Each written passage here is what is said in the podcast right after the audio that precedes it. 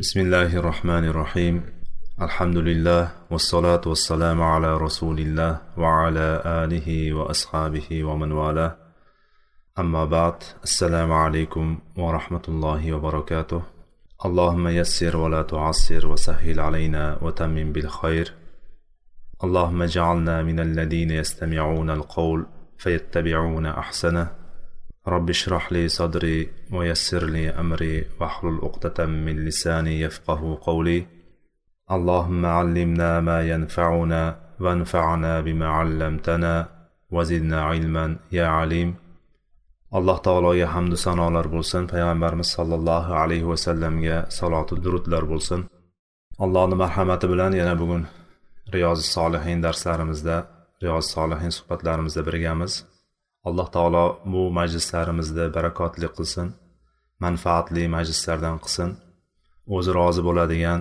majlislardan qilsin. Biz riyoz solihinni mujohada bobida ya'ni bir ishda bir amalda albatta solih amallarda oxirat ishlarida tirishqoq bo'lishlik o'shanga o'zini atashlik jiddu jahd qilishlik haqidagi bobda davom etayotgandik bu bobning oltinchi hadisiga kelib to'xtagan ekanmiz kitobimizni boshidan kelayotganimiz bir yuzi birinchi hadisga keldik bismillahi rohmanir rohim عن أبي هريرة رضي الله عنه قال قال رسول الله صلى الله عليه وسلم المؤمن القوي خير وأحب إلى الله من المؤمن الضعيف وفي كل خير احرص على ما ينفعك واستعن بالله ولا تعجز. وإن أصابك شيء فلا تقل لو أني فعلت كان كذا وكذا. ولكن قل قدر الله وما شاء فعل فإن لو تفتح عمل الشيطان. رواه مسلم. Bu hadisni abu hurayra roziyallohu anhu rivoyat qilib beryapti u kishi dedilarki payg'ambar sollallohu alayhi vasallam shunday marhamat qildilar. Kuchli mo'min baquvvat mo'min mo'min kuchsiz mo'mindan ko'ra alloh taologa mahbubroqdir lekin bu har ikkalasida ham va fi kullin xayrun bu ikkalasida ham lekin yaxshilik bor. Senga manfaati tegadigan senga foydasi bo'lgan narsalarga haris bo'lgin o'sha narsalarga tirishgin harakat qilgin. Vastain billah va alloh taolodan madad so'ragin ojizlik qilmagin. Agar biron bir narsa senga yetib qoladigan bo'lsa va in asobaka shayun ya'ni sen istamagan narsa yoki musibat senga yetadigan bo'lsa aytmaginki agar men shunday qilganimda bunday bo'lardi bunday qilganda unday bo'lardi deb turib aytmagin. Balki aytginki alloh taoloning qadari ekan alloh taoloning taqdiri ekan. Nimani xohladi? O'sha narsa bo'ldi. Ya'ni alloh taolo xohlagani bo'ldi deb aytgin. Chunki agar degan so'zdan agar bunday qilsam unday bo'lardi bunday qilganda bunaqa bo'larkan eh bunday qilmabman deb turib agar deb boshlagan so'zdan shaytonning amali uchun yo'l ochiladi dedilar payg'ambar sollallohu alayhi vasallam. Bu hadisni imom muslim o'zini sahihlarida chiqargan ekan. Bu hadisni imom navaviy rahimaulloh mujohada bobiga qo'ydi. Mujohada bobiga nima sababdan mujohada bobiga? Ya'ni o'sha amallarda tirishqoq bo'lishlik amallarda kuchli harakat qilishlik o'zini nafsiga kurash u nafsi bilan kurashishlik bobiga nimaga keltirdi? Hozir bu narsani qisqacha tanishamiz. Bu hadisni biz hozir baquvvat kuchli mo'min alloh taologa kuchsiz mo'mindan ko'ra mahbubroqdir deb tarjima berdik. Birinchi bizni o'zbeklarda birinchi tushunadigan narsamiz kuchli mo'min degan paytimizda har doim kuch tushunamiz. Lekin aslida bu hadisni sharhiga qaytadigan bo'lsak va arab tili qoidalariga qaytadigan bo'lsak bu yerda birinchi nazarga keladigan birinchi bizni aqlimizga keladigan narsa iymoniy quvvat haqida gap ketyapti. Chunki mo'minning sifati bo'lib kelyapti. Mo'minning sifati iymon bo'ladi. Ya'ni al mu'minul qaviy degani al mu'minun al mu'minu qaviyul iymon degani ya'ni. Iymoni baquvvat bo'lgan iymoni quvvatli bo'lgan mo'min degan narsa kelib chiqadi. Imom muslimning rivoyatlarida imom muslimni sharhiga kitobini sharhiga qaytadigan bo'lsak u yerda al murodu bil quvva huna azimatun nafs va qarihatu fi umuril axira degan ekanlar sharhda shunday bergan ekanki bu nafsni azimati ya'ni nafsning qat'iyatligi nafsning o'zi insonning irodasi iroda quvvati va oxirat ishlariga bo'lgan kuchli tirishishligi qobiliyati deb turib tarjima bergan ekan. O'sha yerda sharh bergan ekan. Ya'ni insonning irodasi albatta qalbdagi iymoniga bog'liq bo'lishligi va oxirat ishlariga qarab turib harakat qilish ham albatta iymonga qaytishligini mana shunday tafsir bergan ekan. Lekin boshqa tafsirlarga ham qaytadigan bo'lsak bundagi shu hadisni sharhlariga qaytadigan bo'lsak olimlarimiz bir qancha so'zlarni aytishgan. Undan birinchi tushunadiganimiz yana bir qaytarib ta'kidlab aytyapmanki bu yerdagi quvvat ma'nosi insonni kuchli bo'lishligi iymoni haqida gap ketyapti. Qoviyun fi imanihi. Birinchisi iymonidagi quvvati. Iymoni kuchli mo'min albatta kuchsiz iymon jihatdan zaif bo'lgan iymoni kuchsiz bo'lgan kishidan ko'ra albatta alloh taologa suyukliroq bo'ladi. Undan keyingisi davom etamiz undan keyin quvvat badaniy quvvat jismoniy quvvat va amaldagi quvvat. Mana bu narsalar keyingi o'rinda turadi. Lekin umumiy olganimizda hammasini olishligimiz mumkin. Iymoni baquvvat bo'lgan jismonan baquvvat bo'lgan mana shu narsalarni hammasini bitta qilib olishligimiz mumkin. Iroda quvvati baquvvat bo'lgan. Mana shunday kishi zaif mo'mindan ya'ni iymonan zaif bo'lgan jismonan zaif bo'lgandan afzaldir. Nima uchun? Chunki u qoviy bo'lgan iymon jihatdan quvvatli bo'lgan jismonan quvvatli bo'lgan mo'mindan alloh taologa suyukliroq emas. Sababi quvvatli mo'min musulmonlarga manfaati tegadi. Birinchi o'rinda o'ziga manfaati tegadigan bo'lsa ikkinchi o'rinda musulmon jamoasiga jamiyatga kuchsizlardan ko'ra ko'proq manfaati tegadi. U ish jihatidan bo'lsin yordam jihatidan bo'lsin kuch jihatidan bo'lsin jihod maydonidan bo'lsin qaysi bir maydonda bo'lmasin quvvatli kishilar kuchli kishilar ham iymonan ham jismonan quvvatli kishilar oldinda bo'ladi. Peshqadam bo'ladi o'shalar. Va kuchsizlarga qaraganda ko'proq foydasi tegadi bu yerda mana shu qisqacha allohu alam mana shu narsa nazarda tutilyapti. Bu yerdagi quvvat degandan mana shu narsa nazarda tutilyapti. Undan keyin go'yoki hadisimiz davomini shuni qanday ekanligini bizga tasvir o'zi shu hadisni o'zi sharhlab beryapti. Kuchli mo'min qanday bo'ladi kuchsiz bo'lsa nima bo'lishligi mumkinligini go'yoki payg'ambarimiz sollallohu alayhi vasallam mana shu hadisni o'zida sharhlab beryaptilar. Lekin bu ikkalasida ham nima bor? Xayr bor. Ikkalasida ham yaxshilik bor. Yaxshilik iymonida yaxshilik bor. Chunki mo'min kishi alloh taoloni bir deb turib alloh taolo yakka deb turib faqat alloh taologa sig'inadigan unga biron bir sherik keltirmaydigan sherik qilmaydigan shirkka yo'l qo'ymaydigan kishi iymonan jihatdan iymoniy jihatdan zaif bo'lgan taqdirda ham jismonan zaif bo'lgan kuchsiz bo'lgan taqdirda ham buyoqdagi munofiqu kofirlardan ko'ra ming marta afzaldir. Har qancha bo'lsin masalan inson zaifdir. Ba'zi bir xatolarga yo'l qo'yib qo'yar ba'zan xato qilib qo'yar ba'zan gunoh qilib qo'yar. Ba'zan bir ishni mukammal qila olmas puxta qila olmas chala qilar boshqa qilar. Lekin o'sha ko'rinish jihatidan har qancha zaif bo'lmasin har qancha kuchsiz bo'lmasin qilayotgan ishlari mukammal bo'lmasin lekin mana yoqda bu tarafda mukammal qilib turgan kofiru mushriklardan ko'ra ming marta ming chandon afzaldir. Mana shu narsani biz bir biridan farqini ajratib olishligimiz kerak. Mo'min kishi har doim afzal bo'ladi. Mo'min kishi iymoni bilan afzal bo'ladi. Shuning uchun bu yerda ikkalasini bir biriga nisbatan oladigan bo'lsak mo'minlarni bir biridan iymoni bilan farqlanishligi bor ekanligini mana bu hadis bizga zikr qilyapti. Iymon jihatdan mo'minlar bir biridan farqlanadi. Abu bakr roziyallohu anhuning iymoni bilan buyoqdagi bu kundagi hozirgi kundagi bironta eng taqvoli insonni iymoni bir biriga to'g'ri kelmaydi. Abu bakrni iymoni butun ummatimizni iymonini hammasini jamlaganda ham u kishini alloh taologa bo'lgan iymoni ishonchidan g'olib kelmaydi. Abu bakrdek ustun keladi. Bu narsa bor narsa.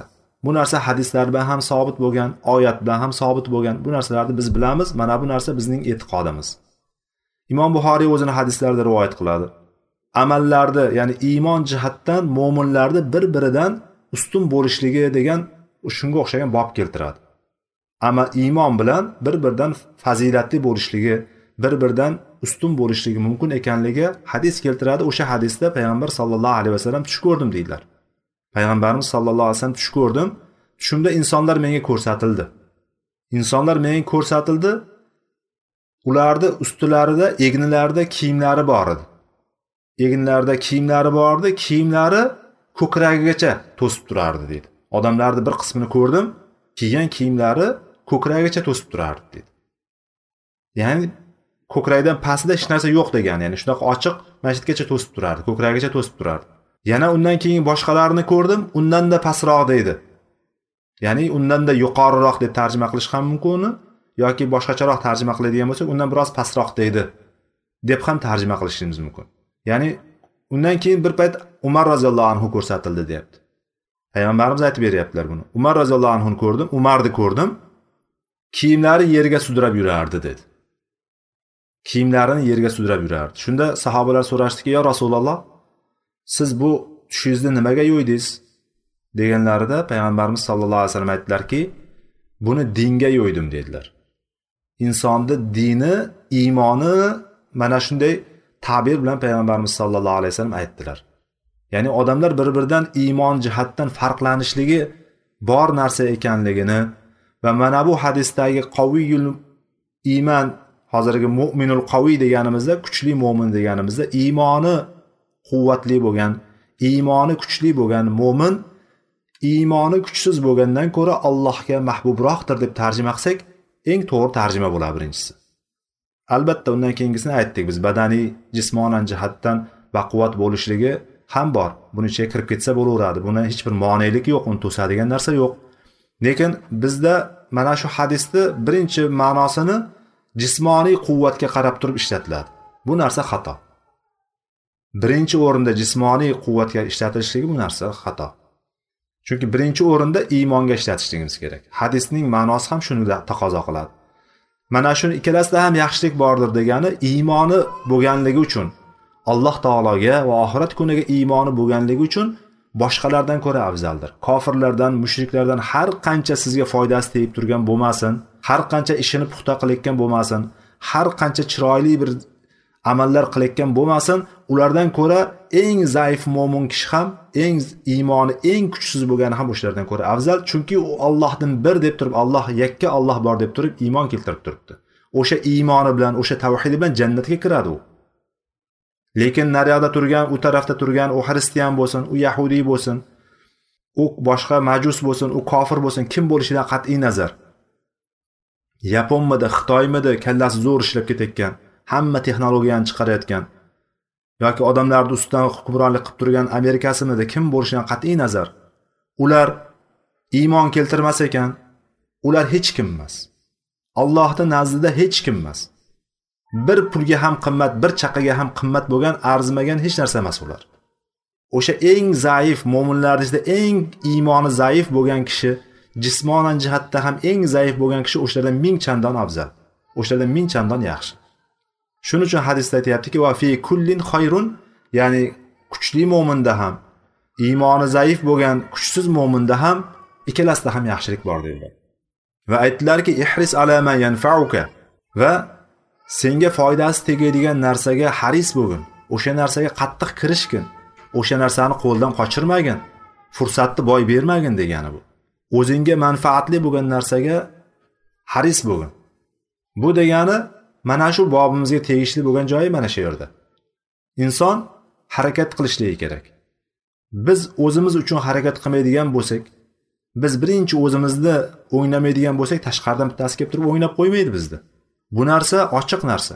Hech kim birov uchun jon kuydirmaydi agarchi o'zi o'shandan bir manfaat ko'rmayotgan bo'lsa. O'shandan bir manfaat ko'rib tursagina boshqa uchun jon kuydiradi. Illo mo'minlar unday emas.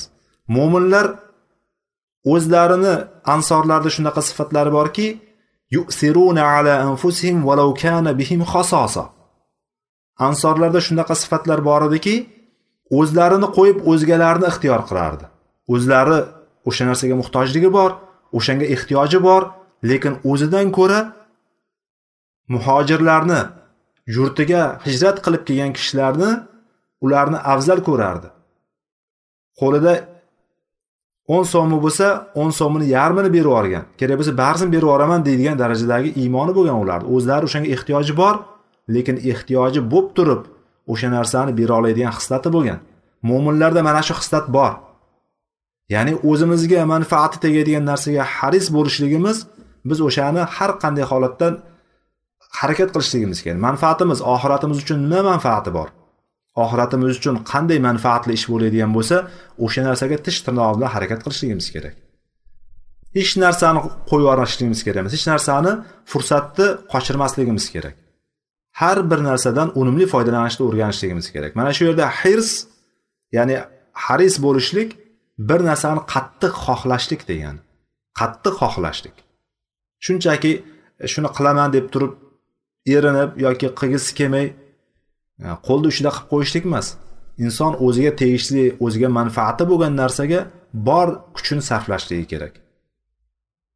Va musulmon ommaga musulmon jamiyatga foydasi tegadigan ishlarga ham musulmon kishi mo'minman degan kishi mana shunday harakat qilishligi kerak.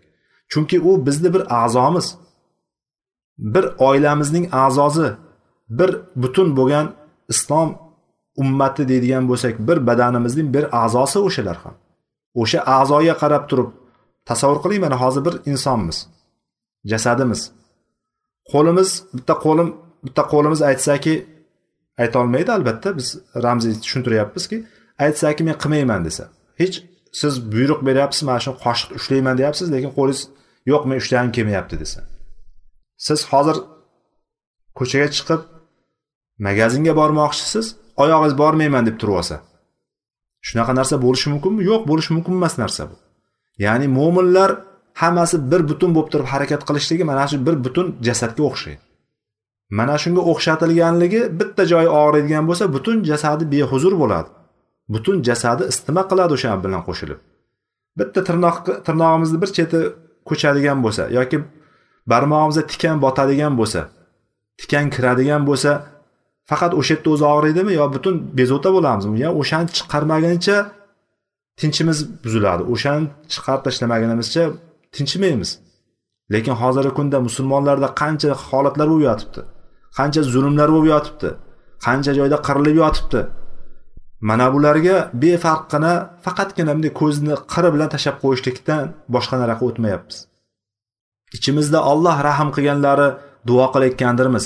Hech bo'lmasam eng oxirgi chora duoni ayamaylik eng oxirgi chora duoda baxil bo'lmaylik. Duo og'izni bir chetdan chiqib ketadi. Og'izning bir chetidan chiqib ketadi lekin o'shani og'izni bir chetdan chiqib ketayotgan narsani qalbga bog'lab turib allohga bog'laydigan bo'lsak mana bu duolarimizni natijasini albatta ko'ramiz. Bir birodarini haqqiga g'oyibona qilgan kishini duosi ijobat deb keladi hadisda.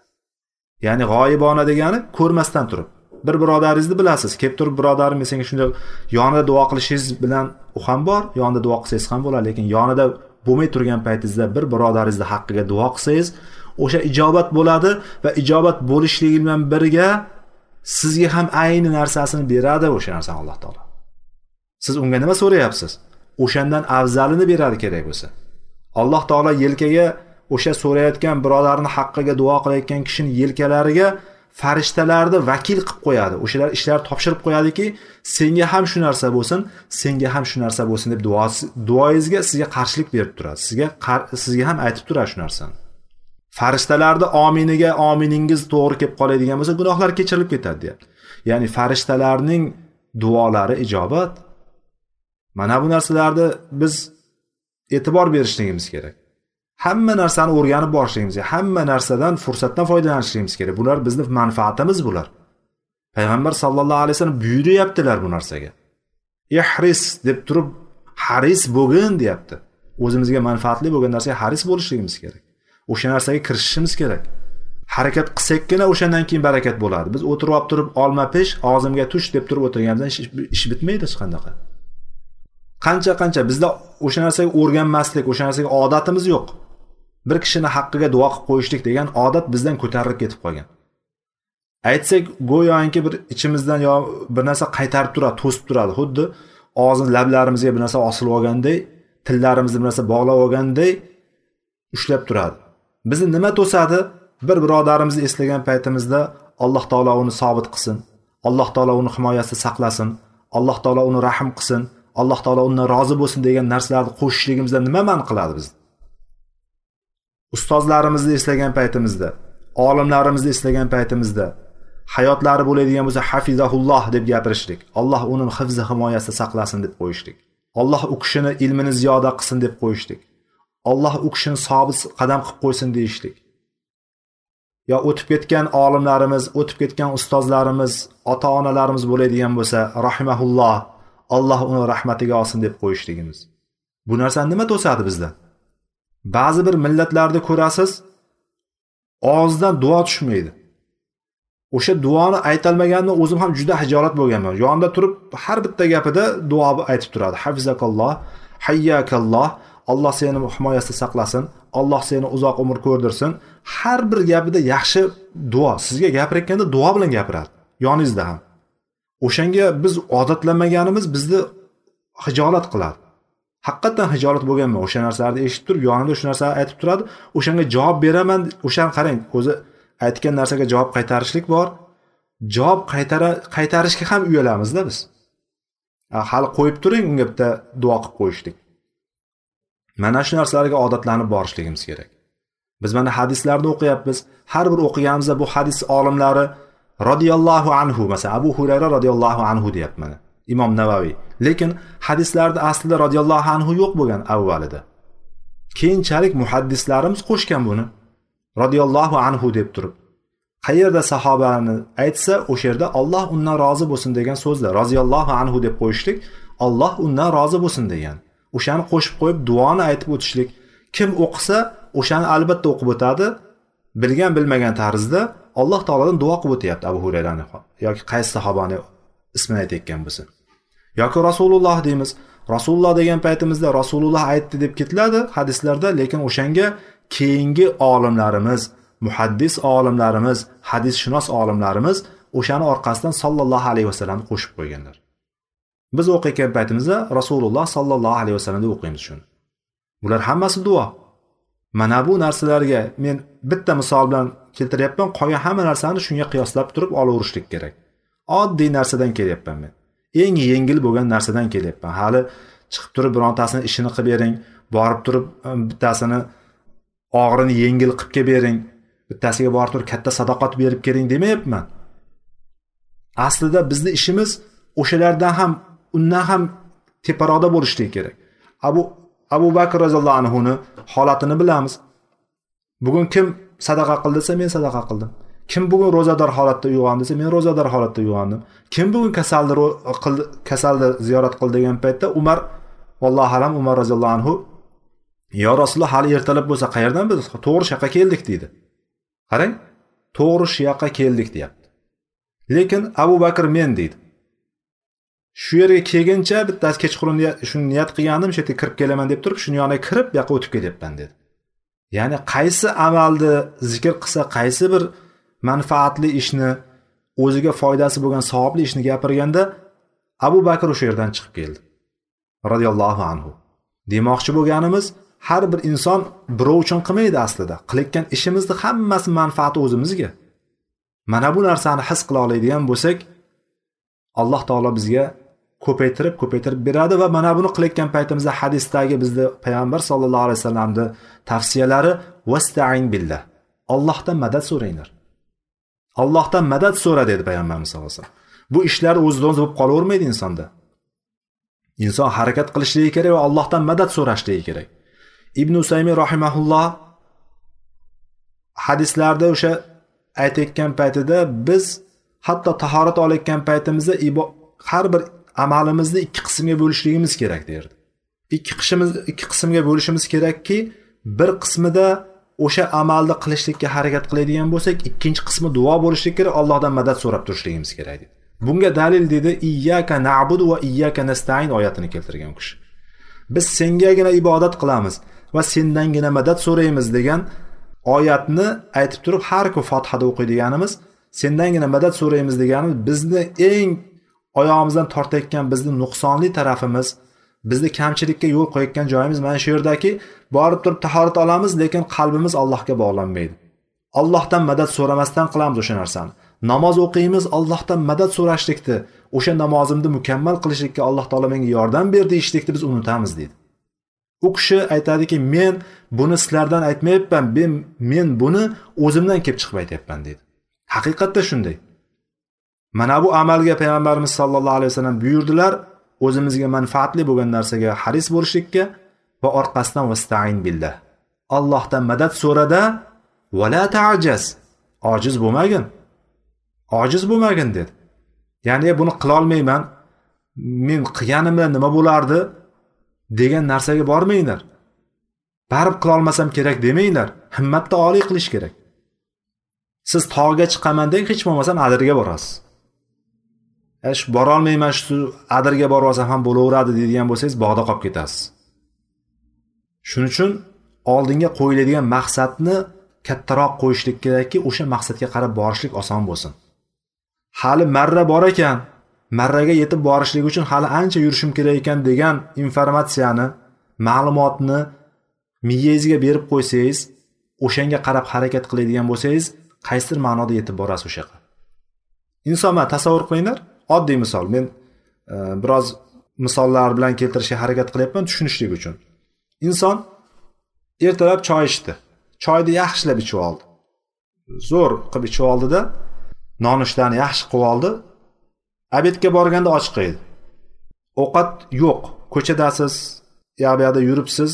O'tirib bir narsa yeb olishlikni imkoni yo'q. Shu kechgacha sizni yeb qo'yadi. O'sha oshqozoningiz boshlaringiz charchab ketib qoladi miyangiz charchab ketib qoladi tinimsiz informatsiya kelaverganidan och qolganingizni sezib turib asablaringiz joyidan siljigan boshlaringiz og'rigan kechga borib turib ovqat yegandan keyin ham boshingiz og'rib ancha paytga o'zingizga kelolmay qoladigan holatga tushib qoladi inson lekin endi qarang bu ertalabki choy ichishni gapirdim. Endi siz kechqurun niyat qildingizda saharlab turdingiz. Ertalab emas saharlab. O'sha ertalabdan ham ko'ra uch to'rt soat oldin turib saharlik qildingizda bugun ro'zaman deb turib informatsiya beryapsiz. Nimaga informatsiya beryapsiz? Kechgacha olloh uchun ro'za tutaman deb turib informatsiya beryapsiz. Kunduzi balki qorni och qolganini sezarsiz balki. Lekin u sizni tinimsiz bezovta qilavermaydi. Tinimsiz bezovta qilavermaydi. Men ochman bir narsa yeylik bir narsa yeb olaylik deb bezovta qilavermaydi. Og'zingizni xursand bo'lib ochasiz sizda na bosh og'rig'i bor na qorni ochqashi bor na boshqa hislar bo'ladi. Balki siz o'sha kunni yaxshi o'tkazganligingiz uchun alloh taologa hamd aytib yanada xursand bo'lasiz. Mana bu misol aytyapmanki himmatni oliy qiladigan bo'lsangiz marrani uzoqroqni qo'yadigan bo'lsangiz o'sha marraga qarab harakat qilsangiz baribir yetib borasiz inshaalloh. Yetib borasiz o'shanga. Lekin biz o'shanga al mu'minul qaviy bo'lishimiz kerak. Iymonimiz qaviy bo'lishligi kerak kuchli bo'lishligi kerak.